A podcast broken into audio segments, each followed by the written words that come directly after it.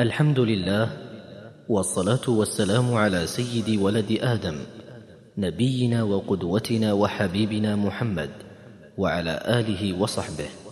وبعد فإن ما نراه اليوم في حياة المسلمين من الجهل بأحكام الشرع ومقاصده وظهور الغلو في الدين لدى بعض أفرادهم يرجع ذلك في معظمه إلى غياب المنهجية الصحيحة في طلب العلم الشرعي ومعرفة آدابه.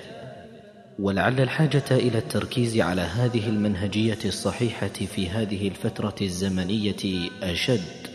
وذلك لأن عدم الأخذ عن العلماء العاملين وصحبتهم والتأدب بآدابهم أوقع طوائف من طلاب العلم في كثير من الشطط والتنطع والغلو في الأحكام على المسلمين ونواياهم. وتجهيل أهل العلم وتنصيب أنفسهم بديلا عنهم. ولقد كان موضوع المنهجية في طلب العلم الشرعي والتحلي بآدابه من أهم الأمور التي شغلت بال الناظم لهذه الأرجوزة الشيخ عبد الله بن محمد سفيان الحكمي. فمكث سنوات تزيد عن العقد يطالع الكتب المصنفة فيه ويدون ما سمعه من شيوخه. مضيفا إلى ذلك ما استفاده من تجربته طالبا ومعلما. وحين تكاملت لديه جوانب المنهج العلمي شرع من نحو سنتين أو قبلهما بقليل في نظم هذه الأرجوزة وسماها عدة الطلب بنظم منهج التلقي والأدب.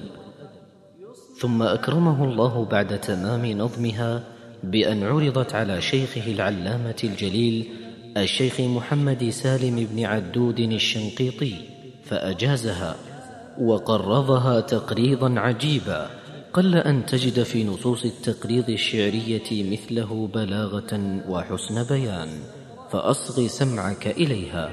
ثم حظيت بعد ذلك بعرضها على صاحبي المعالي الشيخين الفقيهين الدكتور صالح بن عبد الله بن حميد عضو هيئة كبار العلماء. وإمام وخطيب المسجد الحرام ورئيس مجلس الشورى والدكتور عبد الله بن محمد المطلق عضو هيئة كبار العلماء وعضو اللجنة الدائمة للإفتاء. فكتب كل واحد منهما مقدمة أثنيا فيهما على الأرجوزة شكلا ومضمونا فشكر الله لهما هذا التفضل الكريم مع كثرة مشاغلهما التي لا تخفى على أحد. والأرجوزة في مجملها سلسة واضحة الأسلوب لا تخلو من التعبيرات الأدبية والصور الفنية التي لا تجدها في بعض الأراجيز العلمية. ولعل جمال موضوعها الذي تناولته ساعد على ذلك. كذلك لم تخلو من الطرفة المتمثلة في النكات المضحكة المتعلقة ببعض الأطعمة والمشروبات.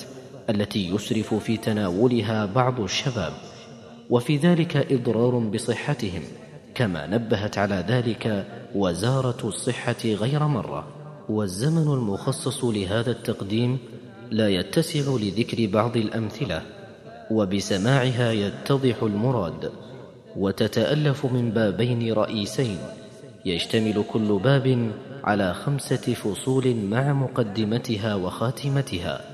وفيها بعض المفردات التي تحتاج إلى تفسير.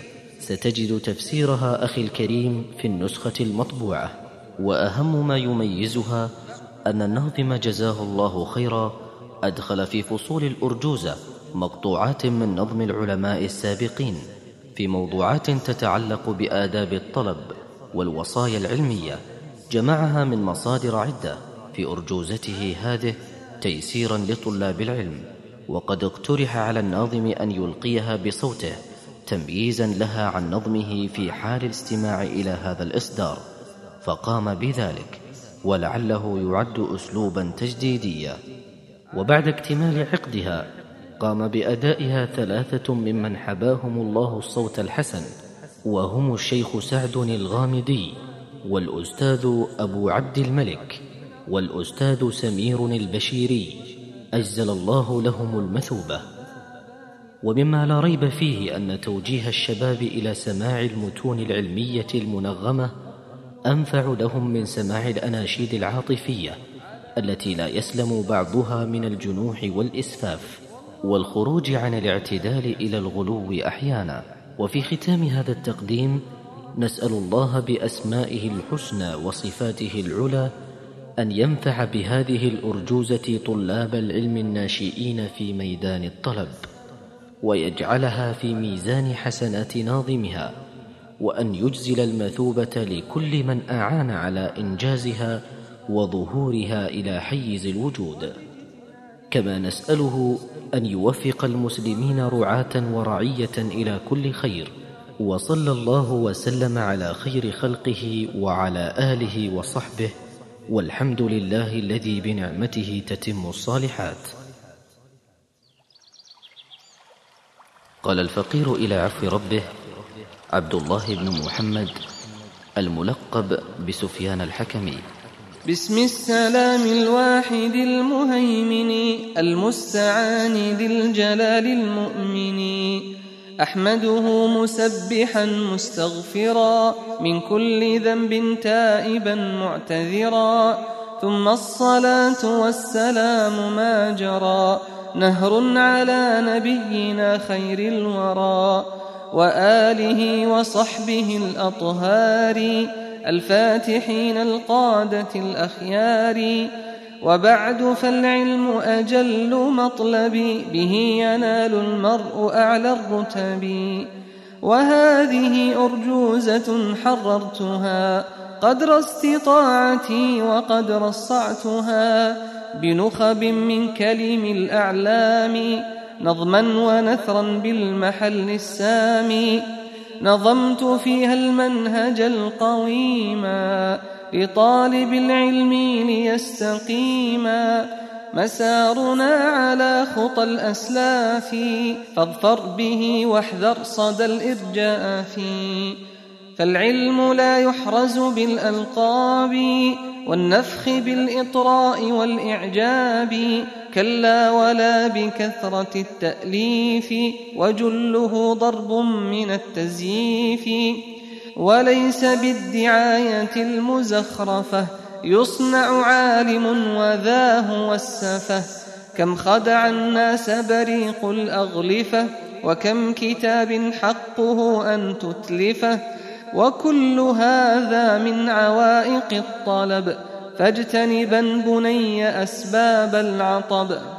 وإن هذا المنهج استقرأته من كتب العلم ومما اخترته من سير الأئمة الكبار كذاك عن أشياخنا الأخيار ثم أفدت بعضه بالتجربة ومن أراد كنه شيء جربه وجل ما أوردت من آدابي فإنه لا ريب من كتابي تذكرة السامع للكنان عليه تترى رحمة الرحمن. ثم أضفت من سواه دررا لعقدها ولست يا ذا منكرا.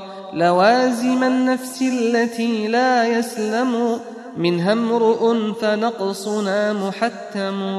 وما ادعيت أنني وفيت ما كنت أبغيه ولا أديت لكنها جسر إلى الآداب تذكرة لزمر الطلاب.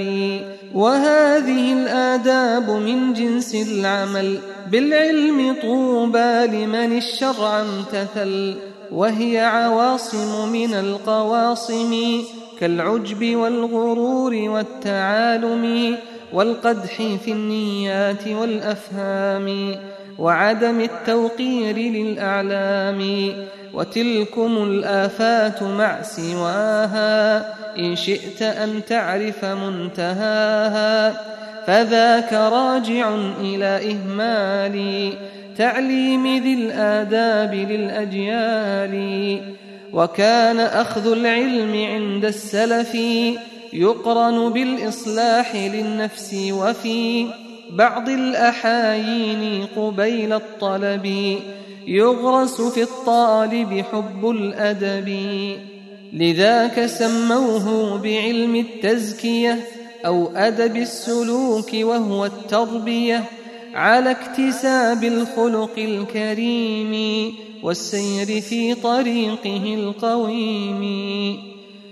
وعل ما نظمت من آدابي يسهم في تنشئة الطلاب على سلوك منهج الأسلاف أهل التقى والعلم والإنصاف. سميتها بني عدة الطلب بنظم منهج التلقي والأدب. قوامها بابان ثم خاتمة أحسن ربي للجميع الخاتمة وكل باب منهما يشتمل على فصول خمسة تفصل والله يحظينا بحسن الفهم وباجتناء ثمرات العلم وما بها من الصواب يرجع إلى الذي له الرقاب تخضع. أسأله الإخلاص في الأعمال لوجهه والصدق في الأقوال. وما حوت من خطأ فإنني أستغفر الله عظيم المنن منه. ومني ومن الشيطان وقوعه حتما بلا نكران. واعلم بأن الله والرسول منه بريئان أتى منقولا عن ابن مسعود صحيح السند يرويه عنه مسند عن مسند عليه رضوان العلي وعلى سائر صحب المصطفى خير الملا ومن على منهاجهم قد سارا واتخذ اتباعهم منارا